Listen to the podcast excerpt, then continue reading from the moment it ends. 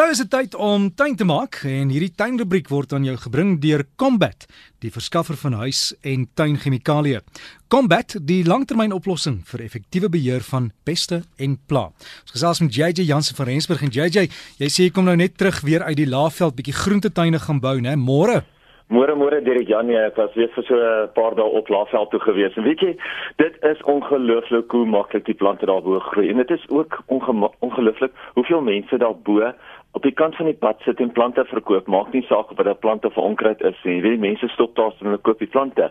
So ek wil net sê maak doodseker dat as jy Laagveld toe gaan, maak doodseker dat jy wel plante koop en nie onkruide nie. Nie net enigiets wat hulle daar uit die veld uit gehaal het nie. Ja, en JJ, die plante as jy hulle terugbring veral binneland toe waar ander klimaatstreke uh is dan moet jy maar seker maak jy goed word geklimatiseer want jy sit hom in, dan kry ons winter en alles vrek. Wanneer definitief, veral nou met die draai van die seisoen. Jy weet alles is daarbo is dit ten minste 5 of 10 grade warmer as hier onder. Ek meen toe ek gister in Hazyview was, toe was dit as sorry eergister 32 grade in Hazyview en dit was maar skaars 22 grade in Johannesburg. Jy weet so dit is 'n 10 grade verskil. En mens kan net dink wat daai wat daai skielike temperatuurverskil aan 'n plant kan doen as jy hom buite gaan plant. Nie nie, nie te praat van hoe as dit nou begin kouer word en dit bly nog steeds warm albo nie. Ja, JJ en sekere dele van ons land, hulle begin regmaak vir 'n nat reenseisoen en die ander dele word droog en is besig om koud te word. Wat moet ja, ons nee, doen? Definitief. Ek dink ons gaan volgens net bietjie gesels oor die koue, maar ietsie wat vir my nou nog heel interessant was om hierdie week te sien, is eintlik om te kyk oor die kosmosse, om te kyk hoe pragtig hierdie kosmosse eintlik nou gefloreer in die in die baie reën wat ons nou gehad het. Plek plek was daai kosmosse tot 40 meter diep van die kant van die pad af en dit lyk ongelooflik mooi want hulle is nou natuurlik vol in blom en Dit voel vir my amper asof ons deur ons eie Namakwaland ry. jy weet waar ons nou net nie daai inheemse Namakwaland se saailinge het soos die Namakwaland se modeliefies en so wat natuurlik pragtig blom nie, maar eintlik vir ons die kosmos hierso doen dit amper net so mooi. En baie mense dink dat kosmosse is inheems, maar nee, hulle is nie inheems nie. Um hulle het baie jare gelede het hulle gekom en hulle het maar net baie maklik versprei. Gelukkig is hulle nog nie as 'n onkruid geklassifiseer nie. So ons hoef hulle nie uit te haal nie. Ons kan hulle net geniet waar hulle is. En JJ, weet, weet jy, jy weet waar hulle vandaan kom, né, en hoe hulle ingekom het? Ek weet nie, vertel vir ons. Tydens die Boereoorlog die die Engelse het die vodder ingevoer. Dit was die voer vir die vir die perde en goed van ek dink Brasil af. En van die saad het saam met dit ingekom en soos dit vervoer was op, op treine en en op die pad, het dit afgewaai en die saad het opgekom. Dis hoekom jy dit nog steeds kry hoofsaaklik naby vervoerroetes. My hemel, dit is baie baie interessant. Ek het eintlik gedink dit kom van een van die eilande af hier naby ons want ek weet hulle kom ook geweldig baie op Mauritius en son voor. Toe ek eintlik gedink hulle kom van daar af. Maar weet jy ietsie wat vir my baie interessant was? Elke keer as ek opgaan Laagveld toe, is die kapokbome pragtig in blom. Op hierdie oomblik is die kapokbome in blom. Jou Afrikaanse vlambome, die spatodias het nou net klaar geblom, so daar's nog 'n paar blomme daaraan. En dan is die cassia blomme, die cassia bome met daai helder geel blomme vir die mense wat nou vanoggend daar deur die Laagveld ry. Dit is die cassia blomme of bome wat eintlik daar in blom is, maar dit voel vir my asof die kapokbome net nooit op 'n blom nie. Ek dink nie dit was al ooit in die Laagveld gewees waar die kapokbome nie geblom het nie. En hulle is ook nie inheems nie, hulle is net die Brasiliaans. Dit so maar dit is baie interessant dat daai pragtige pink, pink orgidee tipe blom op daai boom die hele tyd in blom is. Maar drie goed wat die mense my hierdie week oor gevra het, was natuurlik broodbome wat hulle seiers op die kante het, wat nou gemaak, sitrus wat gesnoei moet word en natuurlik malvas wat siek lyk. Nou kom ons begin sommer met die malvas.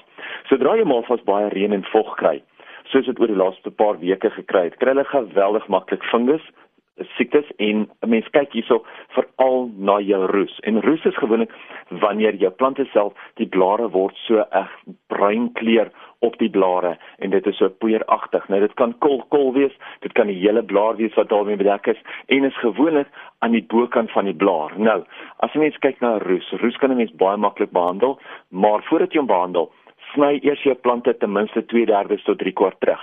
Dat 'n mens nie baie oor het of te, om om te hoef te behandel nie. Want onthou, hoe minder jy hoef te behandel, hoe makliker gaan dit wees, hoe makliker gaan hulle herstel en dan hulle gaan in elk geval nie al daai ouer blare wat daar staan, gaan in elk geval nie regkom nie en die plante gaan net stokkerig en lank word. So sny daai plante baie terug dat hulle net so 2-3 duim van die grond af is dan het jy minder om te behandel, maar onthou dis baie belangrik om hierse ook die grond te behandel. Ek praat net deesdae baie van die fungi free. Fungi free is 'n baie goeie om te gebruik. Mens kan ook kyk na die gewone ou daai fyn. Hy sal ook die ding vir jou doen. Kyk na die verskillende roeste veral op jou malvas. baie van jou malvas kry ook nou daai swart vlekke op die blare en 'n mens kan dit ook met jou fungi-free en met jou daai behandel. Die tweede is natuurlik die sitrus. Nou laasweek het ons gepraat oor die sitrus wat nou al blom. Nou baie mense wil weet veral nou met die water wat ons gekry het met al hierdie verskriklik baie reën, met al daai nuwe groei op die sitrus, wanneer is die regte tyd om jou sitrus terug te sny? Want dit voel nou eintlik asof jy sitrus hand uitneem of hand uit uitdruk. Maar op die oomblik wil 'n mens dit nie terugsny nie. Want onthou, jy het al daai fyn blommetjies wat mee deurkom, jy het al daai vruggies wat deurkom. So pas op om nou jou plante te sterk terug te sny. Onthou oor die algemeen sny mens sitrus net vir vorm. Jy sny dit nie soos jy jou steenvrugte in die wintermaande sal sny nie. Jy sny dit net regtig om jou plante in toom te hou, terug te hou, kleiner te hou. Maar hierdie tyd van die jaar, pas op as jy hom nou gaan terugsny. Jy kan hom nou terugsny, maar as jy dit doen en as enigstens blomme of knoppies wat ontwikkel, gaan jy al jou vrugte eintlik verloor. So maak maar net seker daarvoor. Die laaste een is natuurlik die broodbome baie baie van die broodbome het nou seiers gemaak. En die seiers is daai nuwe groeisels wat onder op die basis van die plante op grondvlak uitkom. Dit is daai nuwe babetjies wat hy maak. Nou mense wil weet wat doen 'n mens nou met daai babetjies? Jy kan hulle net so op daai plante los. Jy hoef hulle nie weg te vat nie. Jy kan hulle net daar los. Maar dit beteken dat jou plant gaan baie groter en baie bosseriger word. So as jy dit sou weg sou wou wegvat, grou die grond onder die seiertjie self net eenvoudig weg, maar doen dit net versigtig dat jy nou nie die moederplant seermaak nie of as daar enigstens worteltjies is wat al ontwikkel het, dat jy dit ook nou nie afbreek nie. Dan wat jy doen is jy sny omtrent 2/3 van daai blare op die seier, nie op die moederplant nie, op die seier sny jy 2/3 van daai blare weg. Dit beteken jy los een uit elke 3 blare los jy. Jy vat 'n graaf, jy steek hom tussen die moederplant en die seier in en jy draai hom net so effens dwars wat dan gebeur is jou suier breek weg van die moederplant af en dan natuurlik moet 'n mens doodseker maak dat jy daai wonde op beide kante seël veral op jou moederplant. En daarso praat ek mos altyd van die gewone ou steriseal mens kan 'n triseal ook gebruik. Um veral op jou groter plante kan jy die swart triseal gebruik maar die pink steriseal behoort die ding te doen.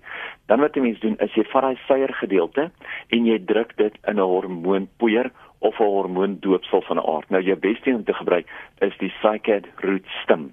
En jou root stem is 'n vloeibare hormoonpoeier. So mens druk daai hele suier daarin. As jy hom nie in die hande kan kry nie, gebruik jy hormoonpoeier, jou Ceradix. Jy stof hom onderop, dit lyk mos soos 'n fyn sementpoeier. En dan plant jy dit nou ondergronds of baie naby aan waar die ou plant was. Jy kan dit in potte plant, jy kan dit in die grond plant, maar moet dit nie te diep plant nie. Moenie die hele bol onder die grond plant nie. Hy moet ten minste nog so derde uitsteek.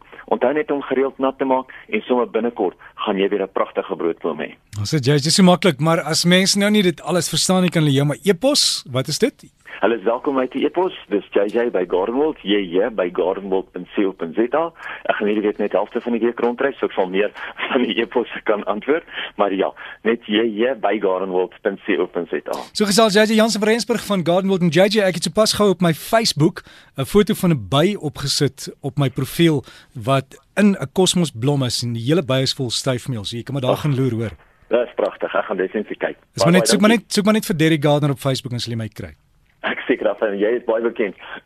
Uh, ja, net soos JJ, JJ Jans van Rensburg en ons program vanoggend hier die tuin rubriek is aan jou gebring deur Combat. Nou Combat and Free is reuklose en vleklose oplossing vir binnehuise sowel as buitehuise gebruik om doeltreffend van vliee ontslae te raak. Die produk is beskikbaar in 'n maklik bruikbare enkeldosis verpakking. Jy knip die buisie oop, los die inhoud op in 1 liter water en spuit op die oppervlakte soos vensterbanke, plafonne, mure en deurkusyne. Effektiewe beheer van 4 tot 6 weke kan verwag word. En die produk is geregistreer met 'n L-nommer is B715 onder Wet 36 van 1947 en bevat die aktiewe bestanddeel lambda cyhalothrin 100 gram per liter. Dit is altyd lekker om saam JJ hulle te kuier en net daai epos van hom weer is jy by gardenworld.co.za.